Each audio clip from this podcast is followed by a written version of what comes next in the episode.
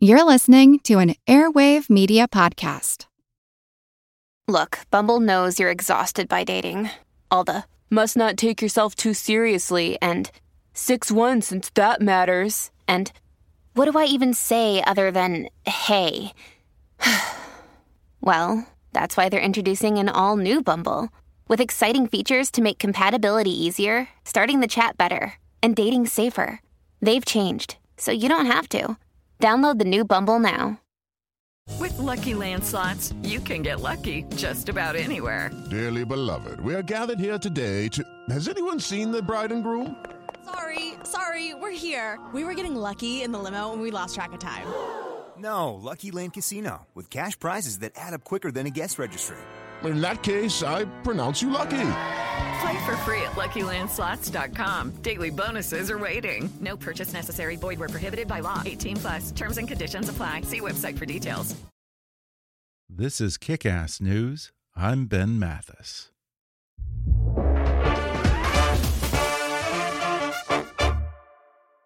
Last year, renowned Republican political strategist, commentator, and ad maker Rick Wilson broke with his party when he offered a scathing critique of President Donald Trump in his number one bestseller, Everything Trump Touches Dies. A Republican strategist gets real about the worst president ever. Now he's taking it one step further and enraging some of his old colleagues in the GOP by writing a detailed playbook for how Democrats can defeat Trump in 2020.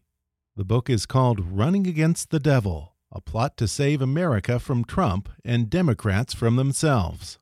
And today, Rick Wilson returns to the show to warn the Democratic candidates that this election is not about policy, but a simple referendum on the disastrous presidency of Donald Trump. And if they think it's going to be a cakewalk, think again. Rick warns that Dems need to prepare for a knockdown, drag out bar fight.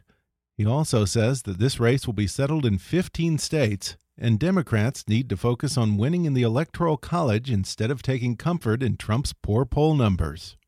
Rick suggests that they shouldn't shy away from hitting Trump on his biggest strength, the economy. He advises how to use Trump's impeachment against him, and even says Trump's family is fair game this time around. Plus, we talk about the various grifters and crooks in Trump's orbit, including Rick's old boss, Rudy Giuliani. Coming up with Rick Wilson in just a moment.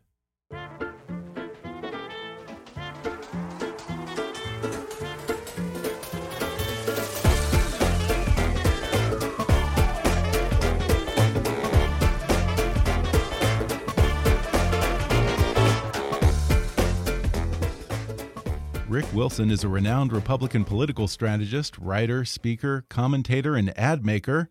He is the author of the number one New York Times bestseller, Everything Trump Touches Dies. And now he's out with a playbook for how Democrats can beat Trump in 2020. It's titled Running Against the Devil A Plot to Save America from Trump and Democrats from Themselves. Rick Wilson, welcome back. Thanks, Ben. I appreciate it. Like I mentioned in the intro, you are doing a playbook from a Republican strategist who's been in the game forever. Yep. For Democrats on how to beat a Republican president. I have to wonder what are your fellow Republican operatives saying about you helping the opposition here? Mostly they're dreaming about me spending time in Gitmo. Um, they're not really happy about it. I've had some very nasty notes the Yeah. last few days, including from a guy that I worked with a long time who who has freely admitted to me how much he hates Donald Trump in private. Yeah. But in public, he's a lobbyist and he has to play the game. Mhm. He's like, you know, I could never speak to you again, you asshole. I can't believe you wrote this book. I'm like, that's exactly the response I was hoping for. yeah. It's funny. I have encountered so many Republican operatives and veterans of other administrations, people who work on Fox News, conservative personalities.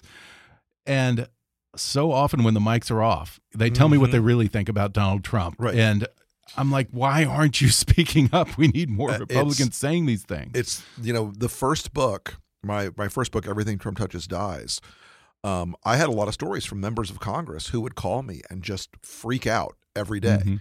and and i've you know i've those guys a lot of them were wiped out in 2018 Mhm. because Right, they right. couldn't pretend enough to like trump and so in this new era if you're not a worshiper of donald trump the republican ecosystem now rejects you and throws you out of the body Yeah. look in that regard, being an apostate and being a rebel now and being out in the world without having to sell my soul every day is great. I I'm happy with where I'm at. Hmm.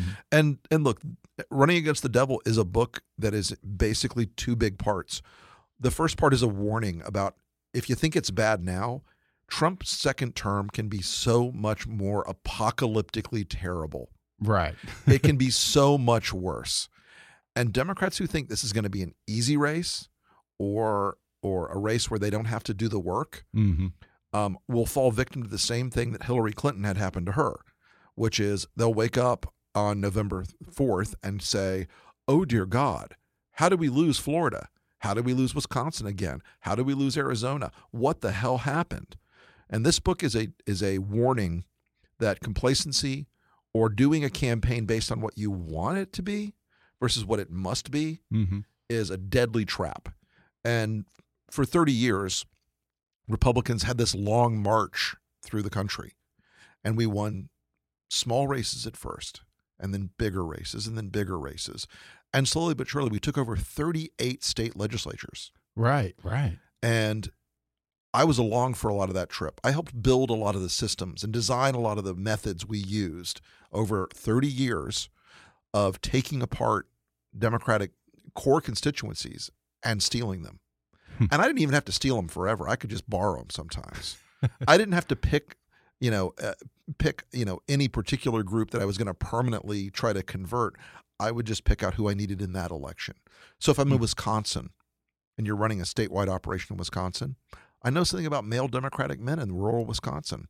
They disagree with the with with the Democratic Party, even if they're Democrats. Huh. They disagree with the Democratic Party on things like guns. I go into Ohio and I look at Catholic Democrats and I ID Catholic Democrats. I go, okay, we're going to talk about abortion in this place because these people are not comfortable with the Democratic Party's national position on it. They're Democratic voters on all these other issues, but we would find a way to go in and cherry pick Yeah. and and basically take a you know classic like Chinese menu approach, one from column A and Uh-huh. one from column B and one from column C, and build these coalitions and build these campaigns Interesting. that were able to short circuit what would ordinarily be Democratic voter behavior. so you've been exploiting these fractures for years. Yeah, because I can do math and I understand people. um, and I say that facetiously, but look, our campaigns on the Republican side, until the era of Donald Trump, which is a Mhm. whole separate sort of phenomenon we got to talk about. But these down ballot races in the Senate and the House, and, and for the Democratic nomination, and for the Democrats running against him, hmm they need to be driven by data, not by inclination and ideology. They need to be driven by polling and focus groups and the and the voter data file and how they how they're getting their A/B testing back from social media on on various messages because they cannot run on what they think they want. hmm If they run a campaign based on healthcare and climate change policy papers, they Yeah. will lose a spectac- they will have a spectacular wipeout. Yeah. Voters really don't make their choices based on that. Yeah, I mean, if I hear the Green New Deal one more time in the Democratic debate, Right. I think I'm going to lose my mind. And here's the thing. Every policy the Democrats put out is an opportunity for guys like me to turn that policy into a nightmare. You put out a 600 page policy paper and I will put my nerds to work because I'm not going to read a 600 page policy paper by the way. And no- Yeah. no, no other American is either. yeah, I've got highly trained geeks who do this. yeah. they but you're going to th- find something that can be used as a cudgel, huh? And there will be five or six things in that 600 page document that will make it into an attack ad. and the thing you think sounds great Medicare for all. We're going to, you know, da, da, da, da, da. well, you know what Medicare for all turns into in the ad? If you're a union worker here in Wisconsin, the Medicare for All plan means you lose your private health insurance. We hmm. negotiated hard. Our union backed us on it, and now they want to take it away. And you think that ad is is over the top or overdrawn? It's not even close. These things will be these things will be fodder for a million ads. Arguing about policy and elections never works. People vote on personality. They vote on connection. They vote on things that are so macro that reducing them into a policy plan is is entirely counterproductive. Mm. Look, I say this a lot. Donald Trump's policy fit on a trucker hat. yeah, that's true. Okay. Yeah, But on the flip side, So did Barack Obama's. Mm-hmm. Hope and change. Right. It fit on Right. a poster. Right. It was not. Barack Obama did not go out every day and say things like Elizabeth Warren does. On page 411, paragraph 6, footnote 4 of my healthcare reimbursement uh, adjustment scheme. No one does that. And people in the voting pool don't believe that. Most voters make up their mind very late. About 65% of the people who are going to make a vote, who are going to who are undecided in a big election, they'll decide in the last 2 to 3 weeks of the campaign. They're not reading policy papers. They're making a gut check decision. And so the Democrats have to get a candidate this time. And I work very hard in the book not to try to pick their candidate, but they've got to do a gut check of what's working as a referendum against Donald Trump, Mhm. not what kind of policy policy proposals are going to move voters because they don't. Yeah, you're saying here instead of getting bogged down on policy, you need to make it this referendum on Donald Trump over the past three years. But you know, isn't that pretty much what Hillary did? I mean, wasn't her whole campaign at least I'm not Donald Trump? well, the problem with Hillary's campaign is they had a presumption of victory, hmm and that is a deadly, deadly cancer that eats a campaign alive once it gets in your head. Hmm. Once you start thinking, oh, we're going to pick out curtains and decide who gets what office, you expose yourself to enormous risk. So they took their mm-hmm. foot off the pedal in October. They thought that Donald Trump, even though the Comey thing was kind of a, you know, an irritation, they thought Donald Trump was going to lose and lose spectacularly. So they stopped spending money in Ohio and Wisconsin and Pennsylvania and Michigan and Arizona and Florida and other places. They they they violated one of the two key rules in a campaign. The first rule is there's only one resource you can never get back in a campaign, and that's time. hmm You can raise more money, you can run more ads, you can hire more people, you can knock more doors. You can't get a single lost day back. And So they skated after the convention, thinking that Trump had imploded, that pussy grabbing and everything else had ended the campaign. The Republican rebellion was in full vocal swing in in in the campaign, and they presumed victory. So never get never presuming victory is a is a fatal uh, presuming victory is a fatal flaw. Yeah. But wasting that time is a fatal flaw. The other thing is when you stop going to the states that are on the electoral college target list and start wasting your time in states where the election is already over. Look, I know how California is going to vote. Sure. I know how Mississippi is going to vote. There are states, and probably about 35 of them, where, and as much as people hate it, as much as people despise the Electoral College, tough shit. It's the rule. That's Yeah. how we do elections for president in this country. If you want to change it someday, give it a shot. Amending the Constitution, super easy. Try it anytime. Yeah, fun. um, but they're not going to overturn it.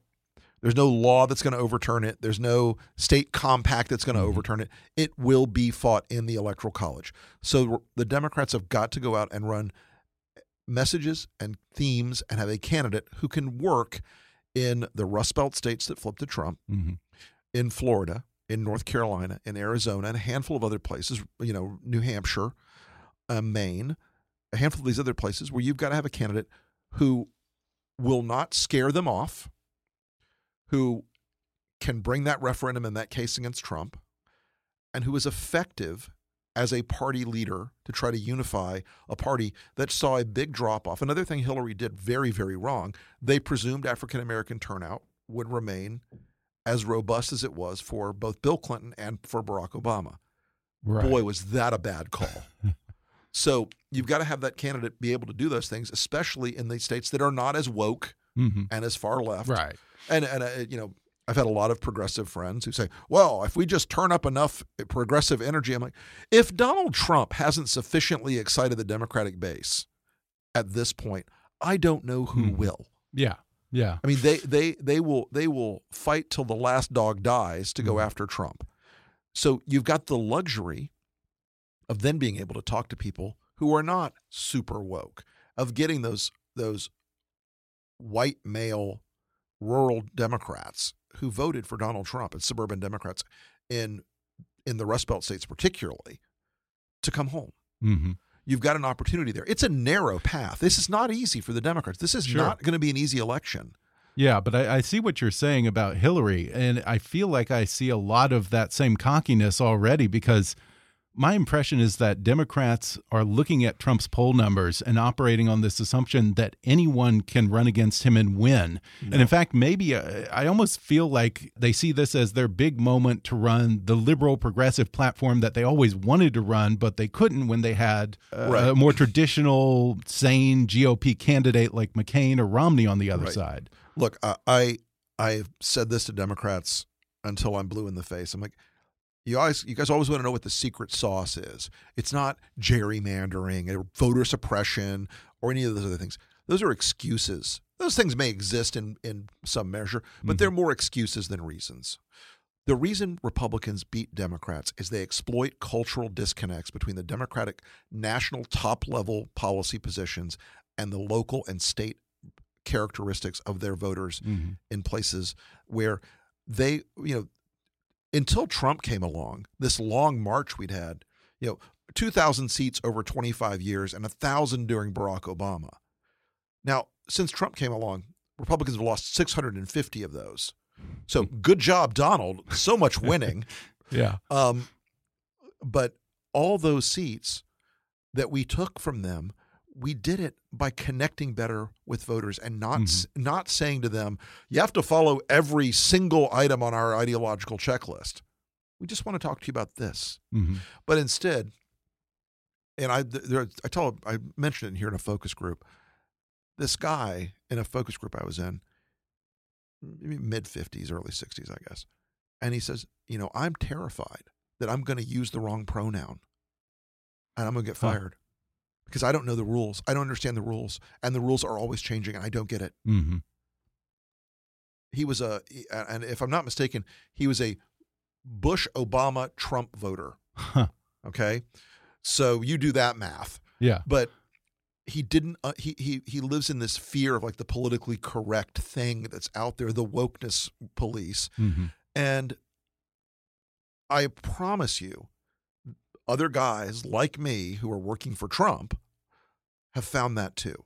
And hmm. that's why they're always playing these cultural aggrievement games, the war on Christmas, Sharia law, right, Mexican right. caravans are coming to kill you and put a taco truck on your street. Yeah. You know, the combination of all those things.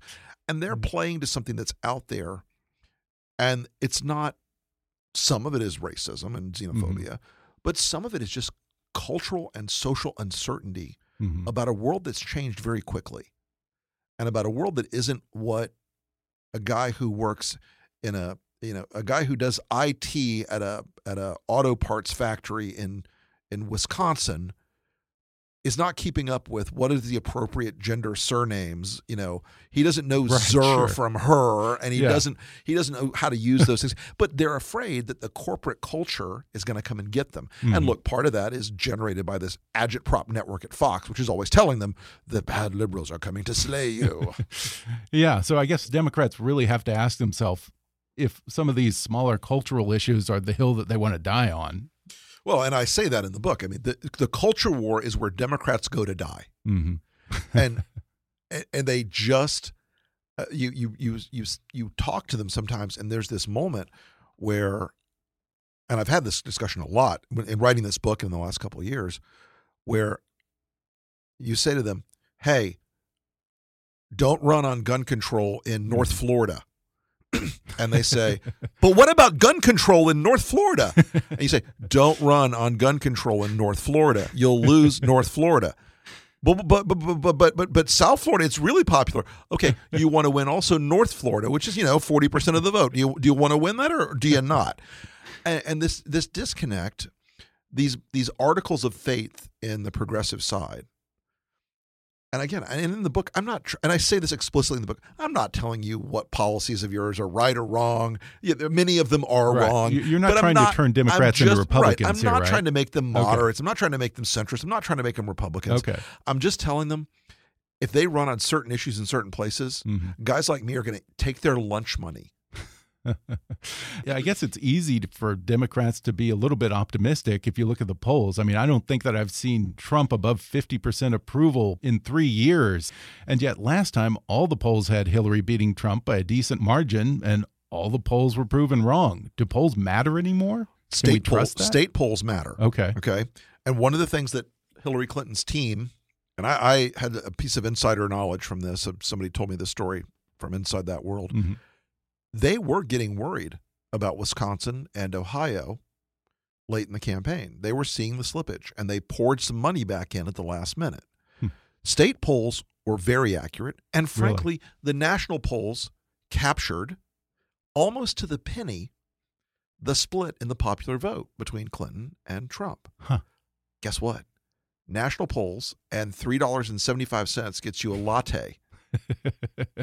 National polls mean nothing in the end of the day. They're Yeah. big they're big sweeping barometers, Mhm. but you can't make a campaign decision based on them. Mhm. In fact, you can't make a campaign decision based on even state polls. You've got to be running your own digital polling operation every night where you're making tens of thousands of calls in the course of a month into a state. It's not the 600 sample thing anymore.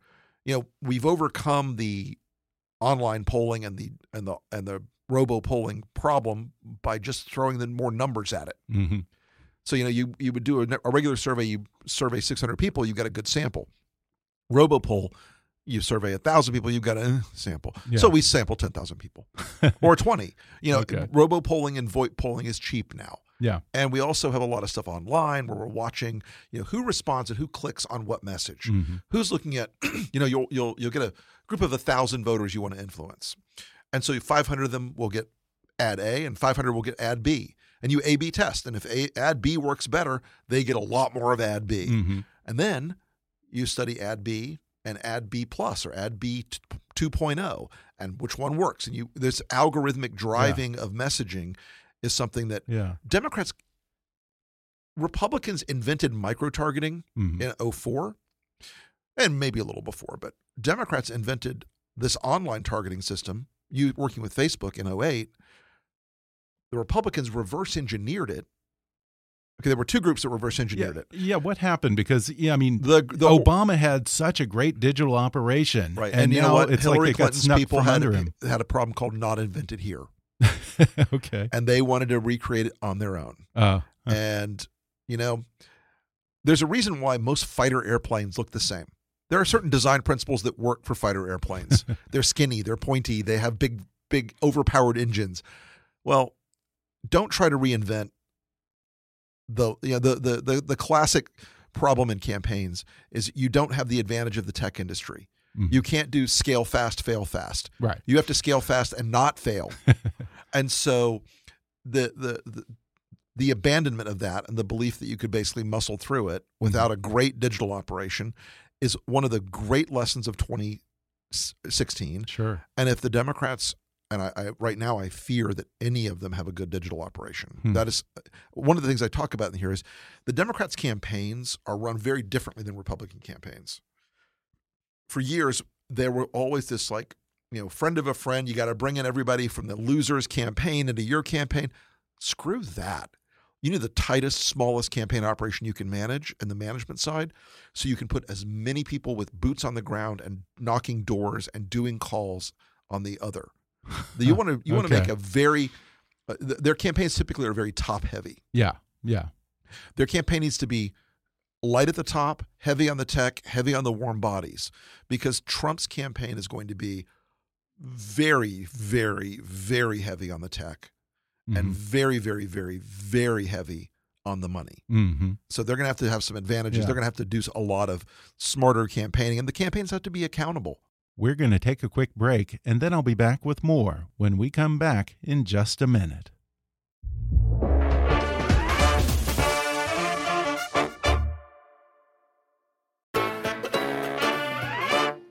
I have to say, though, I am still amazed uh, that Trump was able to win this election in spite of this monumentally shitty campaign team that he had. I mean, he had, Well, he had so a many lot of help from the outside. and wannabes Sure. and washed up GOP hacks like Oh, yeah. Manafort and Roger Stone. He had apparently no ground organization, No. very little discipline. Every week's a new dumpster fire. Can we expect a much better organization this time around? Well, let me tell you one of the great advantages they had Mm-hmm. was that for 30 years, the Republican Party basically ran one long negative campaign against Hillary Clinton.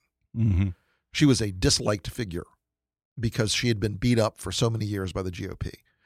And and she was also a terrible candidate. Probably one of the worst candidates of a major party Yeah. since Mike Dukakis. Really? She was Wow, a that bad, bad candidate. She did not perform well in and I and look, I watched it. I watched the dial groups in, in focus groups. I watched her talk and watched them turn the dials down. Hmm. And these were Democrats and independents. And they just never felt like she was being real with them. And look, No I she's got a lot of reasons for hurt and like all this built up defense mechanism in her in her her life. I get it. But she was not a felicitous candidate. She was not a happy Mhm. warrior. She was not out there swinging for the fences every day and enjoying the, the great battle. The other thing that that overcame a lot of Trump's problems was that for 15 years, NBC had Trump on its air on a very popular television show. Sure. And so voters out there, their image of Trump, if they unless they were from New York City, okay, their image of Trump was largely derived from The Apprentice. He's smart. He's a great negotiator. He knows people. He's a billionaire. He talks all these deals and all these ideas that he's, you know, that this image that they got that a screenwriter put down and Trump read off of a teleprompter yeah. was is now president. God. Yeah. And and so those two things played a very big role in 16. You Mhm. won't have that same level, but you will have Trump. Look, the clowns and the jokers are still around Trump. hmm But there are also a lot of folks in the Republican Party, guys like me, who are still there because they're ride or die with this guy. They don't have an mm-hmm. option. There's no other third party. There's no other Republican candidate they can go to. So they're stuck. And if they mm-hmm. want to make money, and Trump is going to spend a tremendous amount of money, they're going to stay, they're going to keep their mouth shut, they're going to play ball, and they're going to do what they're told to do. Yeah. Now, give us a little bit of a preview of the Trump campaign in 2020. What's he going to be running on? What's the message? Do you see a strategy beginning to form? The strategy that Trump will run on is very, very simple. hmm I'm with you. I'm the voice of the common man. I'm the voice of the silent majority. It is, Nich- it is Richard Nixon's campaign that Roger Ailes designed in 1968. Huh. They are the brown people. They are coming to take your home, your job. They're going to replace you in society. The caravans are coming. They're violent criminals and rapists. The liberals want to take away your money, your freedom, your guns. And it is a base only election for Trump. The advantage of that for Trump is that the electoral college states he has to play in, the base is almost big enough for him to do it. Huh. The downside for Democrats in those states, he- the, the electoral college states they have to win in, is their base is not quite big enough to do it. So they have to do a pull operation to get independent voters and to get Republican voters, to get those Trump Obama voters, and to get suburban women who are drifting toward them, but not they're not there yet to bring them in. And a lot of those voters who've soured on Trump, they're not looking for a Democratic Trump. They're not looking for the the revolution. Not, they don't want you know the, their aristos taken to the guillotine. hmm They're not there. They don't want to feel scared. They don't want to feel like this country is run by a cruel, capricious, and corrupt asshole. So that's why there's an argument to be made. And again, I'm trying not to pick the candidate for somebody who's more affable and more able to Mhm. talk to those folks in those states. hmm That argues more for a Biden type, a Klobuchar type Okay. than it does for a Bernie type. And and I say this in the book. I'm going to get my Twitter feed melted down as I do every damn day. Um, Bernie Sanders will lose 44 or 45 states. He will get blown out so hard. People will. It will be like Jeremy Corbyn has Mhm. destroyed the Labor Party in Britain. the Democrats will be in the wilderness for a generation if it's Bernie Sanders. Okay. But but what about all those Bernie bros who went to Trump in the general election? Exactly. Can that be counted on? No, uh, here's the problem. Bernie Bros are anarchists. They don't care. They're not. Okay. They're not. There's no. There's. They want chaos. hmm They they want the. They want that sweet smell of gunpowder in the morning. They're not after a progressive revolution or any of that other stuff. They're anarchists. Okay. And Bernie took his ball and went home last time. hmm You know, and the Hillary people know it. And Hillary took a pop at him today, or or at least this week, um, basically saying nobody likes him for a reason. He's a career politician who hates everybody. And you know, Bernie took his ball and went home. In 2016, he gave one or two speeches. Yay, Hillary! Oh, okay, I'm going to endorse her because the contract requires I endorse her. And now you're endorsed. I'm leaving. That's my Bernie imitation. That's about as far as I bad. go. It's Yeah. not. It's not terrible. It's but not the Larry millionaires and David's, but, billionaires yeah. are attempting to steal this election from me. um, Now, Trump's response to impeachment and Sure. the Mueller investigation, any criticism at all has usually been, well, just look at the economy. That was working for Bill Clinton in 96, uh, barring a full blown recession. Do you think that there are places where his strength can be turned into an Achilles heel? there is an opportunity for that, and three things are are out there in play. The reason he did a crash and burn on the trade deals and basically gave China and Mexico and Canada Mhm. everything they wanted was the economic damage in the Midwest and in the in the Rust Belt states was tremendous. Mm-hmm. um, we were paying basically we've basically paid about a hundred billion dollars in subsidies to farmers by borrowing that money from China to help pay for the economic damage that a trade war with China did to them, which is the most recursive dumbassery I've ever seen. But the economic bubble that we're in, look, for eight years, so George Bush and Barack Obama both made a very consequential decision. George Bush to bail out the banks so that we wouldn't have a complete economic collapse. Barack Obama to continue the stimulus and the TARP program that kept those banks alive, and then to keep the Fed rolling this long injection of liquid liquidity into the markets Mhm. at zero interest rates. Now, Donald Trump has browbeaten the Fed to keep that flow running, even though we don't need it hypothetically. We also had a $2 trillion tax cut that primarily affected Wall Street and the hedge fund industry. And I know this because I know the guys who wrote the bill. I know the Really? guys who were sitting in McConnell's office, the lobbyists who were in McConnell's office, writing this on behalf of their clients in the hedge fund and the and and the financial services industry. And so that has juiced Wall Street mm-hmm. tremendously. They love it. It's fantastic. We've also done two trillion dollars of deficit spending. You know, we basically doubled the the the annual budget deficit. And so all this stimulus is in the economy right now. I'd be shocked if it wasn't doing what it's doing. Sure. But all sugar highs crash. All sugar highs end. right. And there is a message to voters out in the country that the tip of the the tip of the iceberg at the very peak of the economic pyramid, they are in fact reaping 85% of the benefits of all this. Mhm. And you know, people in the gig economy and the part-time economy, which is where the economy is growing the fastest, you know, they're not feeling economic security. Mhm. They're still feeling True, very true. economically insecure. True. I There's an argument to be made here for the Democrats. I know this is going to blow their minds. They can become a party that's much more driven by market capitalism in the in a in a genuine way than Huh. rather than the crony capitalism way that, that Trump is is expressing it. Mhm. Because the country is still I know I, hear, I know Democrats are going to need to sit down and get the smelling salts out. Basically market capitalist. People Right. still people's ambition is still to do great in a job or a business and succeed and provide for their kids and their family and do great things with that. Mhm. They still want to be rich by working for it. It is less resonant for them, well, as I jokingly like to say, to put the aristos in the tumbrils and take them to the guillotine. They're not looking for the socialist, you know, the, the, the socialist revolution. They're looking for a, a level playing field where work and opportunity go hand in hmm. hand. whatever happened to America's bullshit detector? Because, you know, when I think of these farmers and the steel workers and the coal workers who all got sold a bill of goods, Nothing. why aren't Yeah. they angry about being played for fools? Well, we go back to what I said earlier. The Republicans are great at offsetting their economic interest Mhm. by getting into that cultural space. right. Because you know what? Here's the thing you got a guy in West Virginia. He sure as hell voted for Trump. And he did not, he voted for John McCain and he voted for Mitt Romney. Okay. And he is getting his ass kicked economically. He is getting destroyed. His industry is dead. Coal mining is dead. It's still dead. Everything Trump touches dies. Perfect example. No matter how many regulations Trump cuts, the coal industry is still dead. It's over. Those guys have nothing. Yeah. They got fucked by this guy. Yeah. But you know what? In the fall, Democrats are going to say at the national level, they're going to go, we want a full ban on all semi automatic weapons.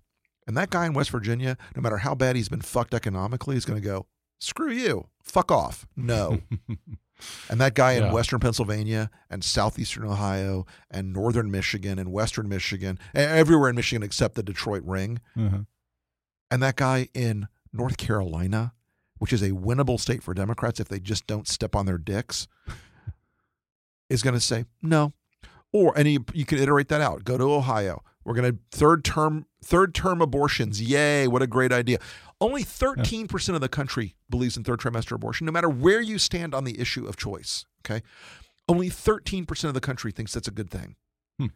and yet you will have Democrats who will get who will fall, they will get trapped into it. Trump will bait them into it, and they'll be defending taxpayer-funded third trimester abortions in Catholic southern, uh, south southeastern and and southwestern Ohio. what what what? Don't take all the bait. Yeah. Don't say everything on your mind. Don't tell people Yeah. everything you you, think that, that that your friends at the DSA want to hear. Mhm. Shut your mouth once in a while and show some campaign discipline. Yeah. I mean, look, I've had guys who literally wanted to destroy Medicare, Medicaid, and Social Security.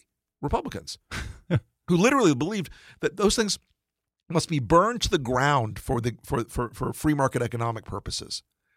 Wow. And you know what I said to them? If you ever fucking say that in public, I will quit and I will embarrass you. Shut your mouth.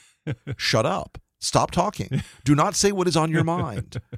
Um, so that's a that's something I talk about in the book a lot. Is you don't have to tell everybody everything all the time. hmm TMI is a real thing. Yeah. now, the current group of candidates on the Democratic field, it, they seem to more or less be sticking to the Obama playbook of when they go low, we go high. Is What that going to work for them in this election? mistake. Do they need to This take the a- gloves off? Ben, this is a bar fight. These are people who've never been in a scrap in their lives. Right. You got to go in here with a tire iron and a baseball bat. You cannot go into a fight with Donald Trump thinking, he will say something egregious and I will shame him. He will be so embarrassed he'll never do that again. Bullshit. Trump thrives on that. He loves mm-hmm. that shit. He wants you to, to he wants you to try to make him ashamed. He wants you to whine about it. He wants you to complain. You know, it's it, you know, when Ted Cruz was getting beat up by Trump and Trump said, "Oh, your dad killed JFK and your wife is ugly." Ted Cruz's response was first it was like, "How dare you, sir? Yeah. You have offended my honor." and then it was, you know, this is we're better than this. The party's better than this. Right. The re- correct response was, "Your wife's a mail order whore. Fuck you." Get back in their face twice as hard. Trump never gets punched in the face because no one has the guts to do it. They're afraid that, they, or they'll go in with one swing. Yeah. They'll go in with one punch. Yeah. Like poor Jeb, I love him to death, but he went in there with like one joke about Trump, and then Trump like, proceeds Right. to like whip his dick out and like screech and go, "Your dad!" ah, ah." And poor Jeb's like poleaxe. He doesn't get it. He Mm-hmm. doesn't. He's like he's like standing there with his head cut in two. And you can't swing at Trump once. Mm-hmm. Marco makes one joke about the hands, then gets scared off. Yeah. You've got to go in there and you've got to never stop hitting him. Once Yeah. you start, you cannot stop. You've got to get into his shit. You've got to call him things that he, that he hates. Call him fat. Call him stupid. Call him poor. They're all true. You- I, mean, I am a happy warrior. I love fighting in politics. I love scrapping. It's great fun. And it's what the founders knew was going to happen. We were Mm-hmm. going to always have fights left and right, you know, federalist and anti federalist, conservative, and Sure. whatever you want to phrase it. People who don't have fun in this lose. Yeah. And Trump actually enjoys what he does. He Yeah, enjoys fucking tell. with people. Yeah. And if you're going to have a guy who will break all the rules and violate all the standards and and and and crack every norm we've ever had, and your hopeful your hope is to shame him into good behavior, hmm that's a fool's errand. You've got to be in the fight. You got to Yeah. fight like you mean it. Now, does that mean that family's fair game? I mean, if Trump is going after Hunter Biden, is it Well, open look, I've, season? I've left. I, I I I've always, as a campaign rule, left minor children out of it. okay, so no I- no attacking Barron. I've never said a word about Barron in Okay. any in any sarcastic way, except to tell people stop talking about their kid. He's a minor child. Now, look, the minute he's 18 and gets involved in politics, Uh, fair game. okay. Yeah, the the the Eric the wide gummed moron and Don Jr. and and Ivanka and Jared, they're all. I mean, Jared's not really a family member, but you know, it's all very close in that family. Um, my theory, by the way, was always that Donald Trump wanted Jared to go to jail so he could comfort Ivanka properly. Um, oh my god. but They're the, the their kids absolutely fair game. Mhm. And if if it's wrong for Hunter Biden to get a job working for a, a, Ukrainian company, is it wrong for Ivanka to get um, patents and trademarks from China while we're negotiating for a Chinese trade deal? hmm Is it wrong for the Sure. for the Trump boys to be selling condos hand over fist to Saudi nationals? hmm Come on. so gloves are off. Everything is pretty much fair game. Mhm. Anything goes this time around. Look, Yeah. this will not never rely on decency in this Yeah. campaign. Well, yeah, and I think that Democrats don't understand the lengths to which he will go in 2020 because they're assuming that his motives are pretty much the same as 2016, where, you know, it was an exercise in vanity with no real consequences for Trump. But this time, winning is an existential imperative for him because if he loses, it's not like he's going to go back to playing golf and hang around Mar-a-Lago and chasing Right. porn stars. Right. He knows that staying in the Oval Office may be the only thing standing between him and prison. Correct. And and this is one of the things that that Trump's enablers are, are why they're so committed to, to winning this race hmm because they know that if they can spin this out for drag this out for four more years, they might escape prison time. Hmm. But there are an awful lot of people around him who, when there's an actual attorney general who isn't just a factotum for the Trump family, and where there's an actual Department of Justice again, there's going to be some very big legal bills and some very bad outcomes. And as Paul Manafort has learned, Donald Trump will not save you from prison. We're talking on the first day of the Senate impeachment trial, and in the book, you actually cautioned Democrats against impeachment. But now that that ship has sailed, how would you advise Democrats to play the Senate impeachment? Yeah, look, and I wrote that. Um, I wrote that uh, chapter of the book and turned the manuscript in in August of last year. Right, of course. And my publisher was like, "Absolutely no changes after this date. This is locked. We're in stone. It never can be changed until the you know maybe we can do a paperback change later." I'm like, "No, no, this Ukrainian thing. Oh no, seriously, guys, no. I mean, really, really." And they were great about it. I got to say, they really were. They, Right. we we we were able to still make our deadline, and Uh-huh. you know, some very dedicated people worked some long weekend hours, but I had to. Basically, recalibrate that chapter a little Mhm. bit because Ukraine was a very clearly impeachable, bright line, immediate offense Mhm. with a simpler narrative structure Okay. than than Russia. right, right, A much simpler narr- and a provable narrative structure that led to a fact base right. that you could touch right now. That Mhm. wasn't locked away in the vaults at the NSA or hidden away in in Russia. Yeah, but Trump's, you know, he's fundraising off of impeachment Of now, Oh, and look, he's using look. it to his advantage. It's a so two how do they sword. play this? It's a two edged sword. Right now, Americans increasingly believe Trump is corrupt. Why do we believe that? Because he tells us all the time he's corrupt. And he shows us all the time he's corrupt. In this case, he sought to extort another country by using American military aid in order to get a single personal domestic political benefit. You know, this whole argument of Donald Trump, he's dedicated to fighting corruption. Yeah, that's like I'm dedicated to fighting against the Popeyes fried chicken sandwich. Okay. it's a battle I fight and lose constantly. so, you know, this this is a uh, this this this is an administration that, you know, there's going to be accountability at some point, mostly for the people around him. Mhm. Um, but impeachment has a has stained him. It is also psychologically troubling him. Mhm. You're not going to get to removal in the Oval. Sure. Yeah, or in the Senate. You're not going to pull him out of the Oval Office from the Senate. You're just not. You're not going to get to two thirds. It's something I said when I wrote the chapter, and I said on social media and on a million news shows. People who believe that he's going to be removed because he was impeached in the House need to read the Constitution. Mhm. It's got a little couple of extra steps Yeah. there you got to go through.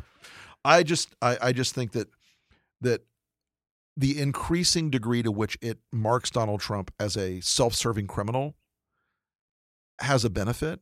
It has also opened up a whole bunch of other venues. I mean, the House needs the minute we the minute Mitch McConnell kills the baby in its crib, they need to go back. The Intelligence Committee needs Lev Parnas in their in their in their in the docket the second they're they've got the bandwidth to do it. They need these other people in the docket the minute these other people the, the, that Mhm. they've got the bandwidth to to cover it. And Okay, so this, so uh, and there's some talk of that. Uh, there will be. Oh, yeah. depending on how things play out in the Senate, that the House might reopen Right. investigations and get uh, witnesses back. And one thing but about- then does that play into the narrative that Trump will pitch of, well, they couldn't do it in the Senate, so now it's just more of the same. They never give up. They couldn't do Russia, so they went well, to Ukraine. You know, he's going to say that. He's going to say that regardless. yeah, But no, no scandal with Trump ever gets better. Mhm. You never, you never, true. you never, when you're digging Yeah. through the new evidence that always comes out, you never go, Yeah. well, that fully exonerates the president. My God, we were wrong all along. You end up, in fact, with more data. I mean, think about the Ukraine thing as uh, right now.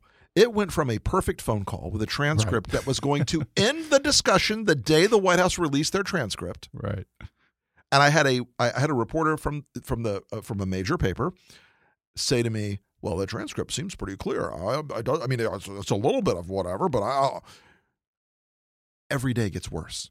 The only easy day was yesterday, Mhm. and the people in the Senate. This is a message for my, my friends in the Senate. You're defending Donald Trump with this Mitch McConnell plan to short circuit impeachment. As more things come out, and they will come out, voters will not look at you as somebody who held a fair hearing in the Senate or fair trial in the Senate. They'll look at you as a co conspirator. Mhm. And Trump relies on that a lot in the Republican Party. But he's going to defend himself on impeachment. But you know how much it bugs him. Mo- he hates it. He hates the fact that he's that he's got this stain on him now. Mhm. And by the way, I just have to ask because I know that you go way back with Rudy Giuliani and advised his mayoral and Senate campaigns. Mm-hmm. What the hell happened to him? What's going on with that guy? It is a tragedy that's playing out in front Yeah. of us, and it's been a while since I talked to him since like six, 16. Yeah. So you know, you, the guy is he is experiencing ETTD. hmm It, all the symptoms are present. Um, and the tragedy of Rudy is this. You know, when I went to work with him in '97, New York was at that inflection point Yeah. where a couple of hard years of cleaning up the city and trying to turn the economy around were, were starting to pay off. Yeah. And there was a great optimism in the city and a great uplift. Mhm. In, in all five boroughs, in every possible community, things were turning around. Mhm. And Rudy came out of that experience and the coda to his to his mayor's race or his, his career sorry the coda to his career as mayor was 9-11 Mhm. remember the election's still going on. Mike bloomberg and mark green are fighting it out. Rudy finds himself drawn to this moment where he met these characteristics that those of us who'd worked with him had always known about. There's a good rudy and a bad rudy. The bad rudy is snippy can, can be impetuous can be a bastard. The good rudy when the shit hits the fan stands up. Hmm. and my analogy always was batman. Rudy was batman. You know, there were times you just hated the way he got the job done and you didn't want to look at it too closely. Uh-huh. his methods were rough around the edges. But you wanted batman when the world was on fire. And on 9-11 rudy had a single moment of leadership that would have washed away a million sins Mhm. You would have named high schools Sure. after this guy Yeah. we would have had taught him as an example of leadership till the sun cooled Yeah. America's mayor. America's mayor. And you know, he ran for president in 2008. It didn't Yeah. work. It didn't, you know, it, but it didn't kill him. It didn't. Yeah. He didn't leave the race humiliated and shamed. Right. It, it wasn't that bad. but he, he took a big gamble. It was a and let me ask you this. Yeah. Is Bloomberg's campaign basically a repeat of Yes. Rudy 2008? yes, it's it's a recapitulation of it with more money. Yeah. Well, will more money work? No, no. Okay. no. Um, Because he's betting heavily on Oh, Super yeah. Tuesday. mhm. he is betting very heavily, and Yeah. you know, buying tons of ads. we'll see how we'll see how we've never been in that zone before. We'll see how it works. Yeah. But to finish with Rudy, Sure. unfortunately, Trump is both corrupt and corrupting. And I think Rudy was at a point in his life where he wanted relevance and excitement and a swan song. hmm And when Trump came calling, there was a thing about Trump. Even though Rudy, when I when my experience with Trump and Ru- Rudy was never like a Trump like fanboy. It was always like, oh yeah, give Donald a couple parking passes. Yeah, it was never like we're going to move heaven and earth for the guy. Right. Right. I mean, they Um, were kind of casual social acquaintances. right. They were in the same sort bit of media pool, Yeah. page six, you know, Yeah, gossip rags in. New York. Yeah. Right. Um, but I think when Trump came along, he saw a chance to play t- to the one conceit that Trump and Rudy really share, and that's that New Yorkers are a different, superior species to all other Mhm. Americans. it didn't work. Trump has now shamed him. He will not be Trump's attorney. This, the idea that Rudy, the super lawyer, was going to have this revival under Trump is wrong Yeah. and and ETTD. and you know the irony, the painful, horrible irony. How did Rudy become mayor? By fighting in when he was when he was U.S. attorney in the Southern District, by putting scumbag criminals and corrupt politicians and money launderers and and foreign criminal organized crime in jail. Hmm. Rudy now may go to jail because he helped a corrupt politician deal with foreign scumbags and money launderers. It's wow. it's Greek in the Oh, art yeah, of this yeah. tragedy. It is it is a, a, perf- a about to say that. hermetically perfect tragedy playing out in front of us, and and no one around Rudy, and everybody's tried to help him. Wow. Yeah. Everybody's tried to help him who can reach him, and he won't Huh. talk to anybody about it. And he's going to go My down God. with this thing. He's going to burn, and Trump will Trump will leave him broke and indicted and destitute. And if he goes to prison, Trump won't help him.